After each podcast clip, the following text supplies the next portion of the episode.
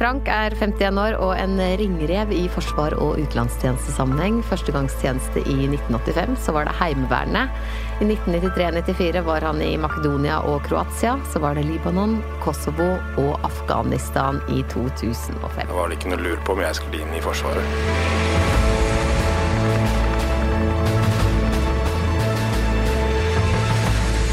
Hei, Frank. Hei. 51 år og en ringrev i forsvar- og utenlandstjenestesammenheng. Angrer du på at du valgte denne veien? Nei, det, nei, den kan jeg overhodet ikke si. Jeg hadde valgt den veien en gang til hvis jeg hadde hatt muligheten. Og, og, selv med det jeg vet i dag, så var ikke det noe å lure på. 1979 så invaderte Sovjetunionen Afghanistan, og etter det så var jeg Det var det ikke noe å lure på om jeg skulle inn i Forsvaret. Nei. Det var det som solgte meg på, på, på den ideen, fordi et lite land ble angrepet av en eh, Da som det Det var jo den kalde krigen, så det var jo vår fiende også. Ja. Så det er klart det var det som gjorde at jeg ble veldig interessert i Forsvaret. ja. Første gang. Hva var det som gjorde at du tenkte at dette her passer jeg til? Nei Liker orden. Eh, og så er det ganske greit at noen forteller deg hva du skal gjøre, da. Det syns jeg var ganske praktisk. Det er enklere ting man kan bli fortalt her i livet, da. Jo da, men eh, nei da. Jeg fungerte jo veldig Jeg fant jo veldig fort ut altså Med en gang jeg gikk inn i Forsvaret, så fant jeg ut at jeg passet veldig godt i systemet. Eh, Rent bortsett fra at jeg ikke klarte å holde kjeft når jeg burde holde kjeft noen ganger, så, så, så, så passet jeg veldig, veldig bra i det militærsystemet. Det var, eh, da var alt lagt opp, og selvfølgelig norske soldater læres opp til å tenke selv. Eh, Ikke så mye på 80-tallet, selvfølgelig, for da var det litt mer skriking og brøling og spark i rumpa, men eh, jeg, jeg likte meg veldig godt. Ja. Og er det liksom sånn med personligheten din, er det hvordan skal du være? Skal man være tøff, eller skal man være Hva var det Nei, altså Min terapeut eh, sier at eh, alle som har verva seg frivillig, har en militær personlighetsforstyrrelse, og han har vel ganske rett i det. At det, er noe som ligger der i, oss. eh, Men det er klart det at det har jo vist seg senere at det er ønske om å gjøre noe, ønske å ha en betydning, ønske å gjøre, gjøre en innsats, gjøre en forskjell, som ligger til grunn for det. Og så er det selvfølgelig det at når du er liten gutt, så leker du jo cowboy-indianer, og etter hvert så blir det jo litt mer krig og, og ting, ikke sant. Og så, så syns man det jo ser veldig tøft ut med uniformer og alle disse tingene. Så det er jo både fascinasjonen av, av det militære, men også den situasjonen Jeg, jeg er jo kalde krigen-barn. Så jeg vokste opp hvor det var nære på mange ganger. Jeg er jo født eh, når de nesten trykka på knappen. Og, og vokste opp i den, den, den mest spente perioden, og fram til murens fall. Så, så det er klart at det, det påvirka jo veldig. Men du ble ikke redd, du ble liksom tent av det på et vis? Ja, og når de angrep, angrep Afghanistan, så ble jo noe vekt i meg. Altså, den, altså at en så sterk kraft angriper et så fattig land, da, da ble jeg, jeg ble rett og slett sinna av det. Eh, og og ønska at det ville jeg være med på å hindre. Um, siden du har vært eh, ute så mange ganger, er det sånn at du allerede første gangen da du var i Makedonia i 93-94, at du liksom tenkte at dette her skal jeg bare fortsette med, dette her er eh, dette Ja. passer. Jo, før det så Jeg søkte meg ut til Libanon flere ganger, og av forskjellige grunner så kom jeg ikke med. Jeg vet jo ikke, men det var litt sånn tilfeldig uttakssystem, og det var lange lister, og enkelte var jo eh, seks-sju kontingenter etter hverandre, ikke sant, så det var, var liksom forkjørsrett. Så jeg, så jeg søkte jo flere ganger om å kom ut. Og jeg begynte jo å melde meg som frivillig HV i 1987, så jeg hadde jo allerede vært eh, lenge inne i systemet. Og, og vært på repetisjonsøvelse med, med stående avdelingen og sånne ting. Så, så, så jeg var jo allerede ganske grønn i tankegangen. Og, og da ble det jo det å, Alternativet var jo Libanon da, frem til Balkan kom opp. Og så skulle, var det plutselig en annonse om at man uh, trengte soldater til uh, Umprofor. Og, og da ble jeg jo tatt ut til å være med i første kontingent eh, på Balkan. Men det som var spesielt med jeg, sver, jeg vil jo ut igjen, men jeg sa at øh, Ja, nå skal jeg ikke banne. Men øh, alle Jo da, det går bra. Ja, faen om jeg noen gang skal ut på Balkan igjen. For det som så der, var jo etnisk rensing. Jeg dro hjem før det eskalerte opp mot Srebrenica og alt mulig sånt, men jeg fulgte jo veldig med på det hjemme. Men det var jo etnisk rensing, og noen trodde de var bedre enn andre. Eh, du ble banka opp eller drept fordi blodet ditt var feil. Så det var ve veldig mye det der. Og, og, det var liksom ikke noe good guys. Det var alle gjorde dritt mot alle. Mm. Og da ble jeg ganske fedd opp etter 15 måneder der og tenkte at det, det, det, er ikke dette her jeg dro ut for, for jeg drar i fredstjeneste for å, for å hjelpe folk, og så, så, så, står vi der og bare har um, Og mandatet vårt var jo monitoring report, og det fortsatte jo hele krigen. Hva for noe? monitoring report, altså observere og rapportere. Ja. Og det var jo det samme mandatet nederlandske soldater hadde i Srebrenica. Så når de kom masse flyktninger mot de, så kunne ikke de gjøre noe. De hadde verken våpen eller utstyr til å gjøre noe annet enn å Og FN ga de ordre om å sende de tilbake i den sikre sonen. Og å sitte med et sånt mandat da når det faktisk foregår såpass mye overgrep Makedonia var selvfølgelig et, et roligere sted, men vi satt jo på grensa til uh, senere Kosovo, da Serbia, og så at uh, spesielt albanere ble banka på grensa hver eneste dag. Mm. Uten at vi kunne gjøre noe. Så ble det sendt opp i systemet, og etter tre måneder så fikk vi lov til å dra ned og så lage en posisjon for å stoppe det. Og da stoppa det jo der. Men uh, den, uh, den, forskjellen, altså rett og slett rasismen og, og, etter hvert så ser man jo at det er, det er jo ikke noe annerledes enn en, um, Det er jo Under krigen så er det jo sy, nesten 700 konsentrasjonsleirer på Balkan. Det er voldtektsleirer, drapsleirer. Det, er ikke, altså det, det eksploderer jo etter at jeg reiser hjem i da Bosnia og, og, um, de områdene. Og Kroatia hadde jo våpenembargo, så de kunne ikke gjøre noe før de fikk våpen. Når de fikk våpen, så dro de på, og så tok igjen. ikke sant? Og det var jo det man så hele tiden. Så jeg sa aldri mer Kosovo, men vil gjerne ut igjen. Det var ikke noe å lure på. Nei, ikke sant. Det ga mersmak. Ja, gjorde det, ja. Så det var eh, Makedonia første. Kan du fortelle litt sånn kort om eh, de andre oppdragene som du har vært med på? Nei, Makedonia var jo, jeg var jo der, og så var det bare en liten uh, snartur i, i, Kroatia når jeg var der. Og så, så klart, det, når jeg dro hjem, så jobba jeg litt, og, og, da søkte jeg jo om å komme til Libanon. Og det måtte jo mase meg til Libanon. Da kom jeg jo til Libanon i 98. Som hele tiden har vært en drøm, da, for det, det, er litt eksotisk, og det er jo mange som hadde vært der. Uh, men da bestemte man jo seg i Norge for å stenge ned hele oppdraget. Så da var jeg jo med på å, å, å lukke det ned. Um, men det var jo Og igjen var det jo politikk, da. Det kom jo veldig brått på de lokale, fordi de har jo en veldig relasjon til Norge der nede. I tillegg til at vi fikk ordre fra Norge om å ta et skritt tilbake. Og det er et område hvor vi hadde kontroll i 20 år og vist oss som sterke og ikke vike for noen av partene være seg eh, de største eller de minste. Og når vi da tar et skritt tilbake, så kommer jo alle og glefser en bit. ikke sant? Mm. Og da fikk jo vi ekstreme situasjoner som vi aldri hadde trengt å komme opp i pga. politikk, da. Mm. Hva da, for eksempel? Nei, det var uh, trusler. Mye mer trusler. Jeg ble blant, blant annet beskutt uh, i den perioden. De tok uh, våpenet fra gutta våre utenfor Når de var og kjørte for å hente forsyninger, så ble de fratatt våpenet. Ting som selvfølgelig hadde skjedd før. For Libanon har det jo vært kidnappinger og hele pakka opp igjen. Men det, vi var jo inne i en rolig periode på slutten. Og en av vognene våre ble jo omringa og forsøkt tent på, og, og, det var virkelig hårete situasjon. Uh, uh, som ble da tilfeldigvis redda at det kom en, en uh, annen offiser til stede. For, og den situasjonen kunne gått virkelig ille. Og da merka vi bare at det var mer og mer press på oss, fordi selvfølgelig de skulle posisjonere seg før indierne kom inn i området. Og, og, alle partene gyver jo løs. Og når vi da har tatt et skritt tilbake og liksom på en måte slipper de til, så tok det jo to sekunder før de utnytta det. Mm. Så vi kom opp i veldig mye unødvendige situasjoner eh, av det. Hvor lenge var du der? Nei, Livet var et halvt år. Så det var på slutten. Og så står vi og ser på at de slår i stykker eh, møbler og TV-er og PC-er og ting istedenfor å gi de til lokale, for det kunne ikke tas hjem til Norge. Så det var veldig mye frustrasjon på siste kontingenten. Um, i forhold til det, det, som var. Og selvfølgelig lokale var jo Noen var jo kjempesure på oss. Mesteparten av de hadde jo økonomiske fordeler at vi var der. Men samtidig også følte jeg at de var utrygge, da. Mm. Uh, at det ville bli en mer utrygg situasjon når indierne skulle ta over. Så det var på mange måter ganske um, Det ble veldig mye annerledes enn vi trodde, for vi visste jo ikke at det skulle termineres når vi dro inn. Og så kommer det litt sånn brått på alle.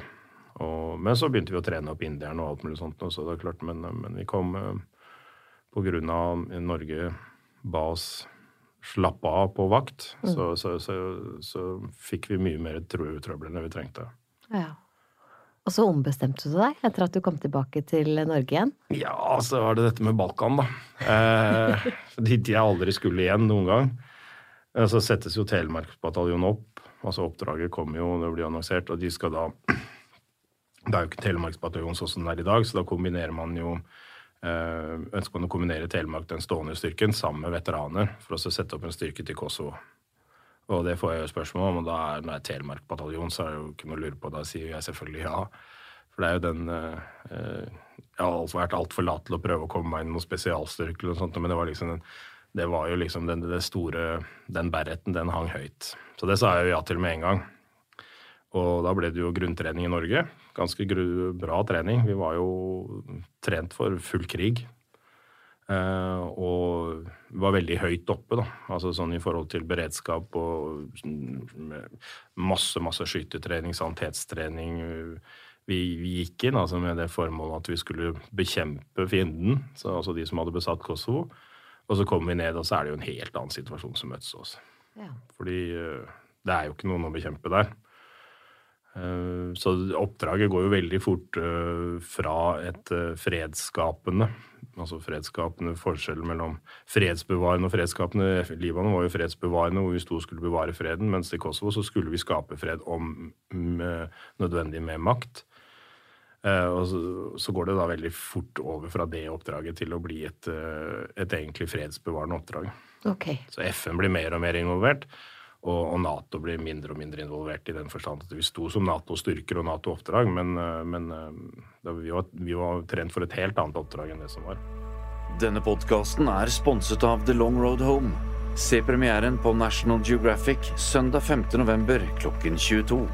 Du har gått liksom inn og ut av forskjellige sånne eh, områder, vært forskjellige steder, og så har du liksom levd et vanlig liv igjen eh, hjemme, og så har det vært ut igjen. Hvordan har det gått å veksle mellom eh, dette her?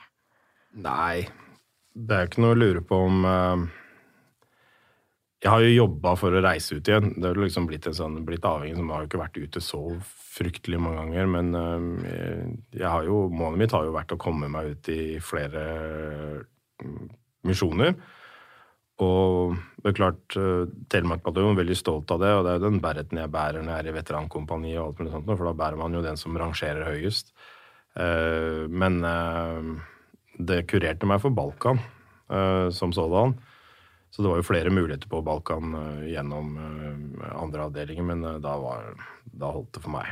Men å komme ut andre steder har jeg jo selvfølgelig prøvd på, og jeg meldte meg jo til Hærens styrker, og så sto jeg på beredskapskontrakt som førte til Afghanistan senere. nå, Men øh, jeg har jo egentlig bare hatt sivile jobber for å kunne reise ut. Og så har jeg jo merka det at rastløsheten er jo veldig høy. Men fra 2000, altså etter at jeg kom, for da hadde jeg jo Libanon og Kosovo rett etter hverandre, så, så, så begynte det å bli en del eh, problemer med det. Eh, da ble jeg veldig, veldig fort lei av jobb og, frustrert og liksom følte at det var et eller annet som mangla. Så viser det seg jo selvfølgelig etterpå at jeg, jeg får diagnosen alvorlig PTSD i 2012.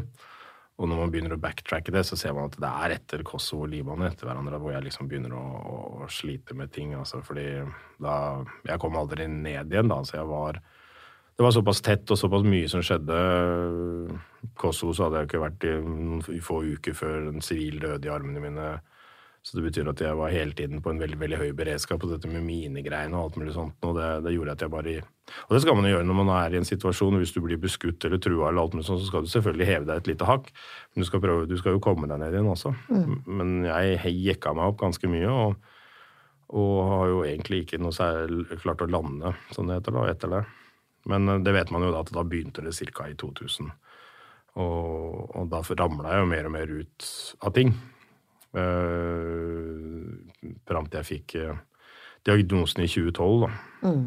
Uh, og så jeg jo, ble jeg jo 100% ufør i, i 2014 ja. på grunn av alvorlig PTSD. Mm. Uh, og så var jeg jo selvfølgelig i Afghanistan, hvor jeg fikk en fysisk skade etter bare en måned og ble sendt hjem. Ja, for vi må innom den også. Afghanistan, det var 2005? Fem, ja. Mm -hmm. Og hva var det som skjedde da du ble skada? Ja Nei, var, vi var jo der nede sammen med de norske ingeniørene for å bygge leiren der nede. Den store norske leiren. Og ja, det ble jo en, en, en stor del av uh, skadesakene selvfølgelig etterpå på det psykiske, for det er klart at uh, vi er på vei ut på oppdrag, og jeg står toppsikring på vogna. Og det er sånn veldig, veldig Jeg kaller den kakaosand, ja, for det er veldig sånn løs, løs, løs sand. Og toppsikring, hva er det? Ja, da står du på toppen av vogna med, med, med MG, altså maskingeværet, og så, og så er sikring. Og så var det en som kjørte, så vi skulle ut på oppdrag, og vi hadde en sånn um, observasjonspost, altså hvor vi sto og passa på området når de gutta våre strev og jobba. Og den sanden er såpass løs, du må holde litt uh, hastighet. Og det er ikke mulig å se det hullet, for det er skjult i sanda, men hele forhjulet forsvinner ned i et hjul, og vi har sånn Nedi et hull? Nedi et hull, ja. ja. Og vi har sånn 50-60 km i timen, og jeg står jo der oppe og passer på.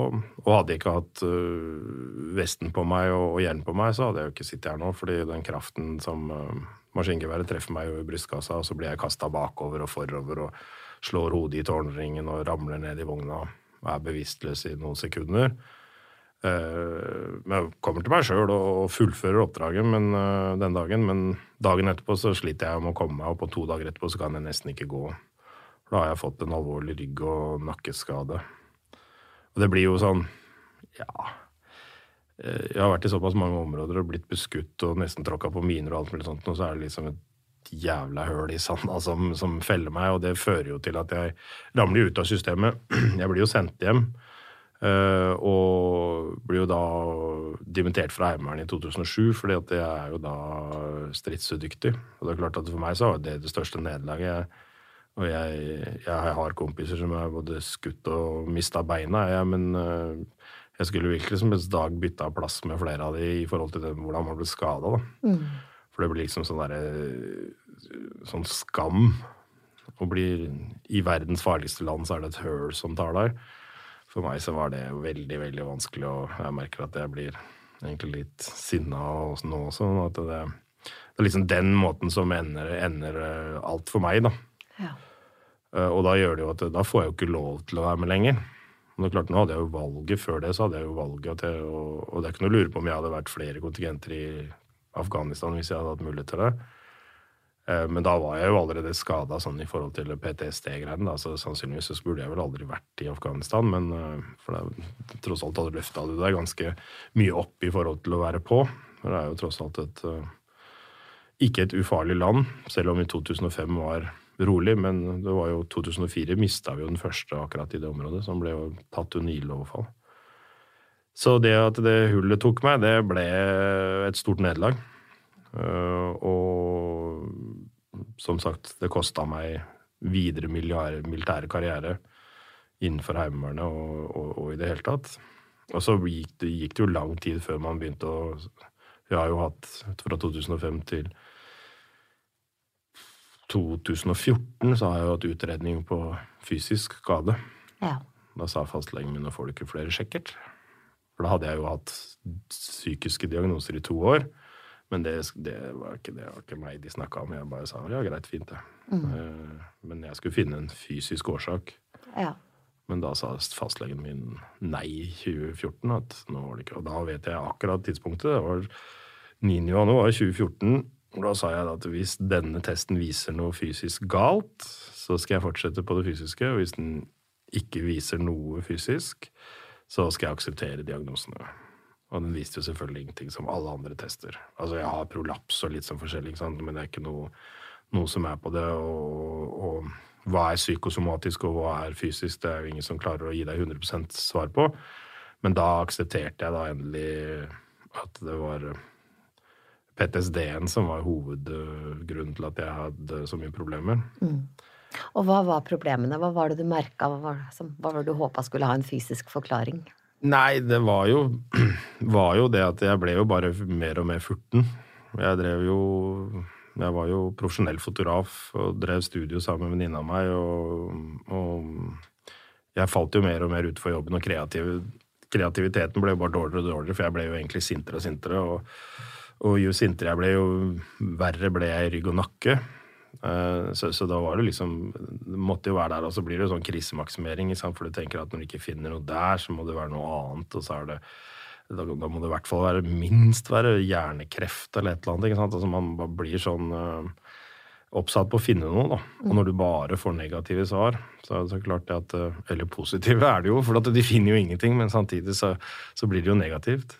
Og da, når du da begynner å få psykiske diagnoser som fort som ikke vises på noe bilde. ikke sant? Det er noen som forteller deg at ja, men du, du lider av angst, eller øh, Og angst for meg, ikke sant. Det blir jo et sånt øh, Herregud, jeg er tøff soldat, jeg er da for faen ikke redd, ikke sant. Så det blir sånn Man, man kicker på ord, da. At det står der at du har angst. Nei, jeg har ikke angst. Ikke prøv det. Mm. Jeg har jo skjønt i ettertid at det, liksom, det går på angstlidelse og sånne ting, da, men øh, jeg hadde såpass mye fysiske plager at det var, eh, var naturlig å gå videre Men jeg, jeg bare surna mer og mer på, på jobben, som jeg sa, og kreativiteten bare forsvant ut vinduet. Og, og til slutt så sa heldigvis min kjære kollega at uh, nå går du eller jeg. For det, dette går ikke lenger. Det var i 2010, og da skjønte jeg at nå er det på tide å, å få hjelp på en eller annen måte, da. Du har, jeg har lest et sted at uh, du, ska, du, skammer deg. Du har liksom sagt at du, jeg skammer meg. Uh, hva er det egentlig du skammer deg for? Nei, nå er jeg jo ikke liten. Jeg er 1,80 og liksom alltid veid sånn rundt 100 eh, kilo og har vært dyktig soldat. Sånn på Har ikke vært til å løpe lengst, alt med sånt, men jeg går de fleste i senk og, og, og har vært dyktig på disiplinene mine, liksom. Og, og da å ja, i Forsvaret det er jo ikke noe å lure på. Psykiske problemer har jo alltid vært tabu. ikke sant? Det er sånn det var litt morsomt når jeg så dokumentene, for det har jo gått gjennom alle militærdokumentene mine i forbindelse med saken min, så, så, ser jeg eh, medisinske dokumenter fra Libanon. Så er det sånn Har du opplevd noe? Så er det sånn ja, kryss, ikke sant? Én og én kolonne, og så er det nei. Og da bare på nei-sida på begge arkene så står det bare stort kryss på nei-sida, ikke sant? For alle sa det at du må ikke si noen ting, for da kommer du aldri ut igjen. ikke sant? Det var jo greia. Og det var jo sant, faktisk. For hvis du begynte å liksom si det at du sleit, så, så ville du ikke blitt selektert neste gang. Mm. Da ville det stå i papirene dine. Sånn var systemet da. Og så er det klart at eh, den machokulturen som er i Forsvaret, så skal man liksom være tøff og stor og sterk og aldri gråte og disse greiene der. Og alle disse tingene sammen med tabu, selvfølgelig. Det er i samfunnet mye tabu med, belagt med, med psykiske lidelser. Så klart at da, da følte jeg meg svak. Og jeg har alltid ment at jeg var sterk. Og så blir jo det en skamfølelse. Mm. Nå skammer man seg over det. Eh, og i tillegg til da den der forbannede hølet i Afghanistan, som, som liksom er den minst heltemodige Ja, det er, bare, det er ikke noe å lure på. Minst heltemodige måten å bli skada på. Ikke sant? Og jeg er jo fortsatt rygg- og nakkeproblemer. Uh, som, som, jeg sliter med etter, etter den skaden. Men uh, det, alt ble liksom en sånn dårlig sorti, da. For jeg har jo ikke noe dårlig papir fra Forsvaret. Det er jo veldig gode tjenesteuttalelser på meg. Men uh, min avslutning blir liksom at jeg føler meg svak, eller da i mine øyne er svak, og, og blir skada av et forbaskede høl. Mm. Det er klart at det, det, ble for meg den verste måten å, å forlate systemet på. For da, da, da, er jo masse jeg ikke har fått gjort ferdig. Mm. Så der skamfølelsen er inne. Jeg skammer meg ikke så mye nå, da, men det har jo mye andre årsaker med å gjøre. Mm. Ikke sant. Det er veldig, Der kommer sånn der, ei sånn følete dame fra, fra, bygda som bare Ok, så en mann dør liksom i armene dine, og du føler noe. Og, og, altså, så når jeg ser det liksom fra min, fra min vinkel, da, så, så, er det liksom det, er ingen, det burde ikke være noe skam knytta til det, men det er, kommer jo an på perspektivet, liksom. Jo, jeg skjønner det. Det blir jo liksom Altså for meg så var det jo For jeg var jo da ja, jeg skal ikke gå så mye inn på hva jeg gjorde i Heimevernet i Oslo, men poenget var at jeg var spurt om å være med over i innsatsstyrken. Så, mm. og det hadde jeg veldig lyst til, fordi avdelingene ble jo lagt ned. og da eh, var jo det en, en, eh, oppgave jeg hadde veldig veldig lyst på, for jeg var jo instruktør og troppssjef og, og hadde jo veldig viktige funksjoner i Heimevernet. Og var jo oppsatt på det, men det ble ødelagt òg, på grunn av det.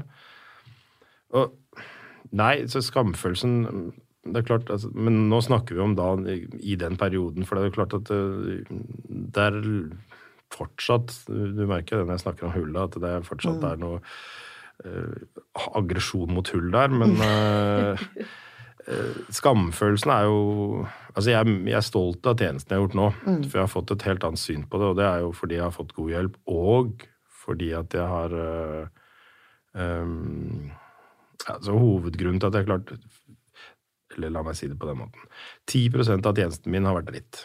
Der har jeg sett ting. Jeg har sett folk bli drept, jeg har sett kamphandlinger, og sivile eh, lide, alt det der. Så 10% av tjenesten min har vært skikkelig dritt. 90 er jo fantastisk. Det er kameratskap, det er samhold, det er øh, Vi løser oppdraget. Og selv om vi har politisk feila på de fleste oppdragene jeg har vært på, men politisk, det er veldig viktig å påpeke, så har den norske soldaten som står på bakken der og da fleste av de, Noen er jo fjompenisser der òg, men de fleste av de har, altså, har løst oppdraget der de er veldig bra. Til fordel for avdelingen, men aller, aller viktigst til fordel for de vi er satt til å beskytte.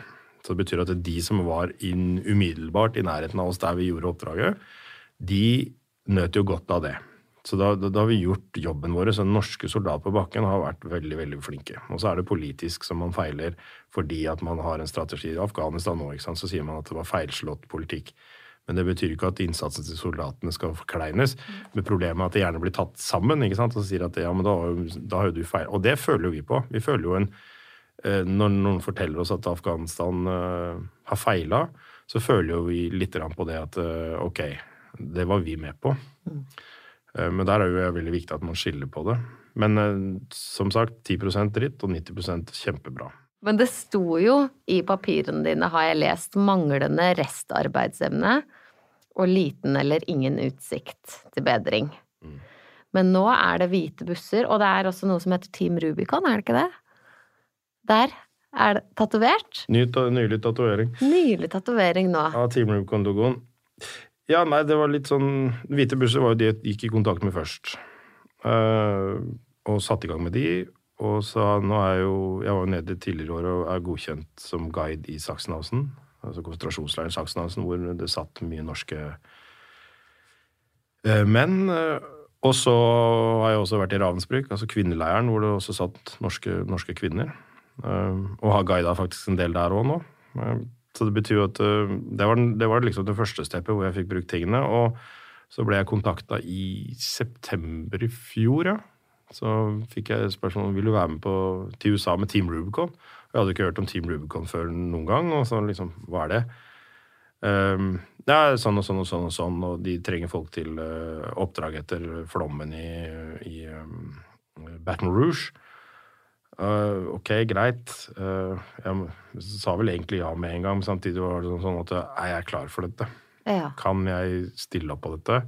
Er dette noe jeg burde gjøre? Så jeg hadde en liten sånn runde med meg sjøl, men jeg sa ganske fort ja. Og hva er, hva er liksom Team Rubicon?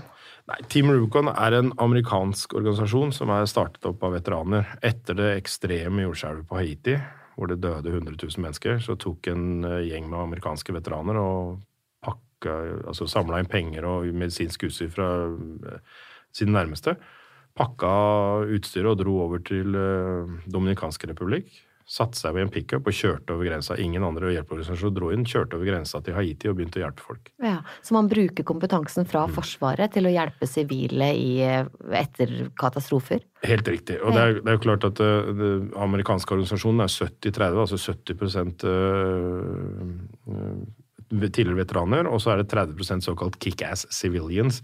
Og det betyr sivile som da enten har en spesialutdanning Som er kickass. Som er kickass.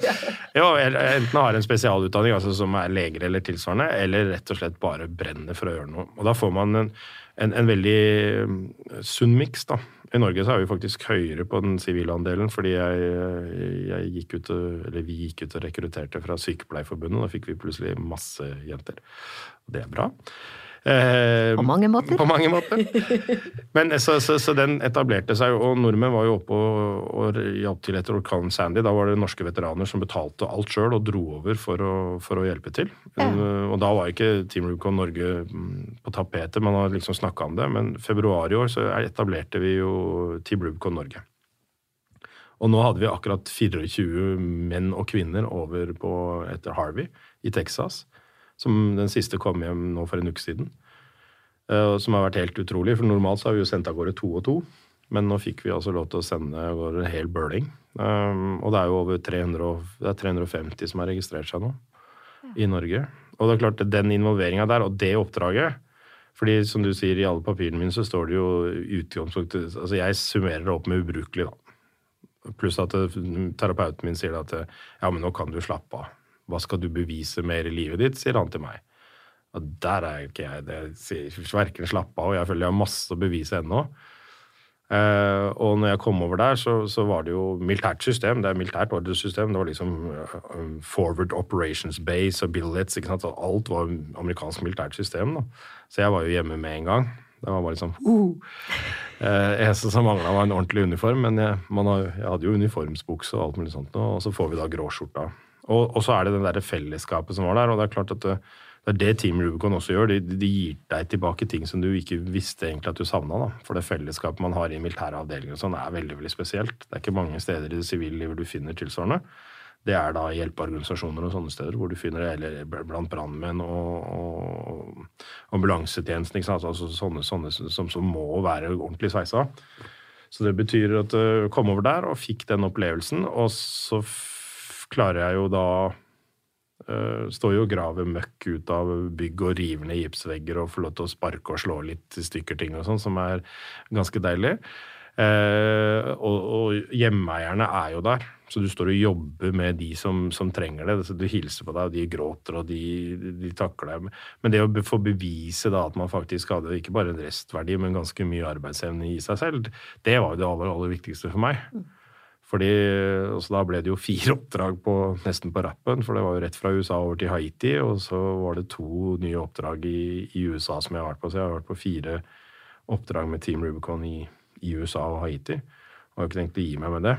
Men nå er jeg jo jeg er jo operativ sjef for Team Rubicon Norge, så da betyr det at min oppgave å sende av gårde folka våre. Så jeg får ikke vært med på like mye oppdrag. men jeg, har ikke gitt med meg det. Jeg skal ut igjen. Um, men det var Det ble liksom Hvite busser snudde tankegangen, og Team Rubicon viste at uh, ingen skal komme her noen gang og si det at jeg ikke har noe igjen i meg. Fordi uh, det stemmer jo ikke i det hele tatt. Og det er jo ikke bare for meg, det gjelder for alle. Det er altså, Du skal være utrolig skada eller, eller, eller, eller, dårlig for at du ikke skal ha noe som helst. Og noen selvfølgelig har ingenting mer å gi, men uh, da er man på et helt annet nivå enn det de fleste skada veteraner er.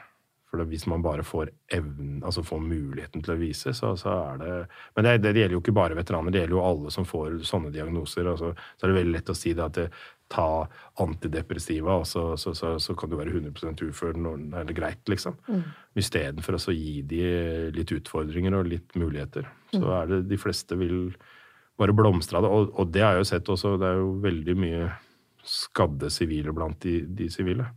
Altså som har opplevd traumatiske ting men da ikke en militærsetting. Og de hjelpes enormt av å være i et sånt system. Mm. Så det er ikke bare for veteraner. Nei. Det er klart, altså. Eh, hva sitter du igjen med etter alt dette her? Nei, hadde du spurt meg for i 2012, så hadde jeg jo sagt dritt. Eh, for da gikk jo alt mot meg. Da altså, var jo tjenesten min angrep meg på en måte. ikke sant? Da, da, da var jo alt gærent. Igjen denne 10 Um, så klart når vi begynte å få snudd det og, begynte å tenke litt annerledes og Jeg ble jo innlagt elleve uker på Modum Bad på psykiatrisk sykehus, hvor jeg fikk mye verktøy. Men jeg ble jo flinkeste gutten i klassen der, og de fleste fyller ut sånn 30-40 skjemaer. Jeg hadde 242. Bring it on! Eksponeringer, ja. Jeg gikk head on. Jeg dro til um, karikaturutstillinger og alle steder. Altså, der ble lukta våpenolje i hele pakka. ikke sant? Jeg, jeg, men ikke, da gjorde jeg for mye. Og det gjorde at jeg knakk ganske kraftig etterpå. Men det er som jeg sier, altså Etter at jeg fikk uh, med en gang eh, så, så Etter Modum Bad så hadde jeg jo gitt meg en sånn knøttliten sti å gå på hvor du kan gå ett og ett skritt. ikke sant? Så er det, Jeg bruker illustrasjoner. Det er sand på hver side. Så når du ramler utafor da, så kaver du i sanda. sant? Kommer du deg opp, og så ramler du jo fort utpå igjen. Men nå har jeg da endelig klart å utvide det til å bli i hvert fall en sykkelsti. Eh, så det betyr at nå ser jeg kanten. Og da når jeg merker det at jeg begynner å gå litt inn, inn i fokus Men så er det samtidig sånn Jeg ble oppfordra til å fjerne veteranen i meg. Hvordan skal jeg fjerne 20 år av livet mitt? Mm. Det går ikke. Så, så, så det, og det er en feil mange mange, mange, mange gjør når de behandler veteraner. det er at De får beskjed om at legg det bak deg. Nei, du kan aldri legge det bak deg. Og så For meg så er det triste opplevelser av sivile som døde, og disse tingene som jeg har sett. og, og, og disse tingene er jo er triste opplevelser, men da er det triste opplevelser, det er ikke traumatiske opplevelser. Eh, og jeg kan aldri ta bort det. Og pluss at jeg har elska jo 90% har jo vært bra. Jeg har jo elska å løpe rundt i grønt og male meg sjøl i trynet med eh, grønne og brune farger og, og, og, være et soldat. Det var jo da jeg hadde det best. Og så, så, Da må jeg selvfølgelig ha det som et godt minne.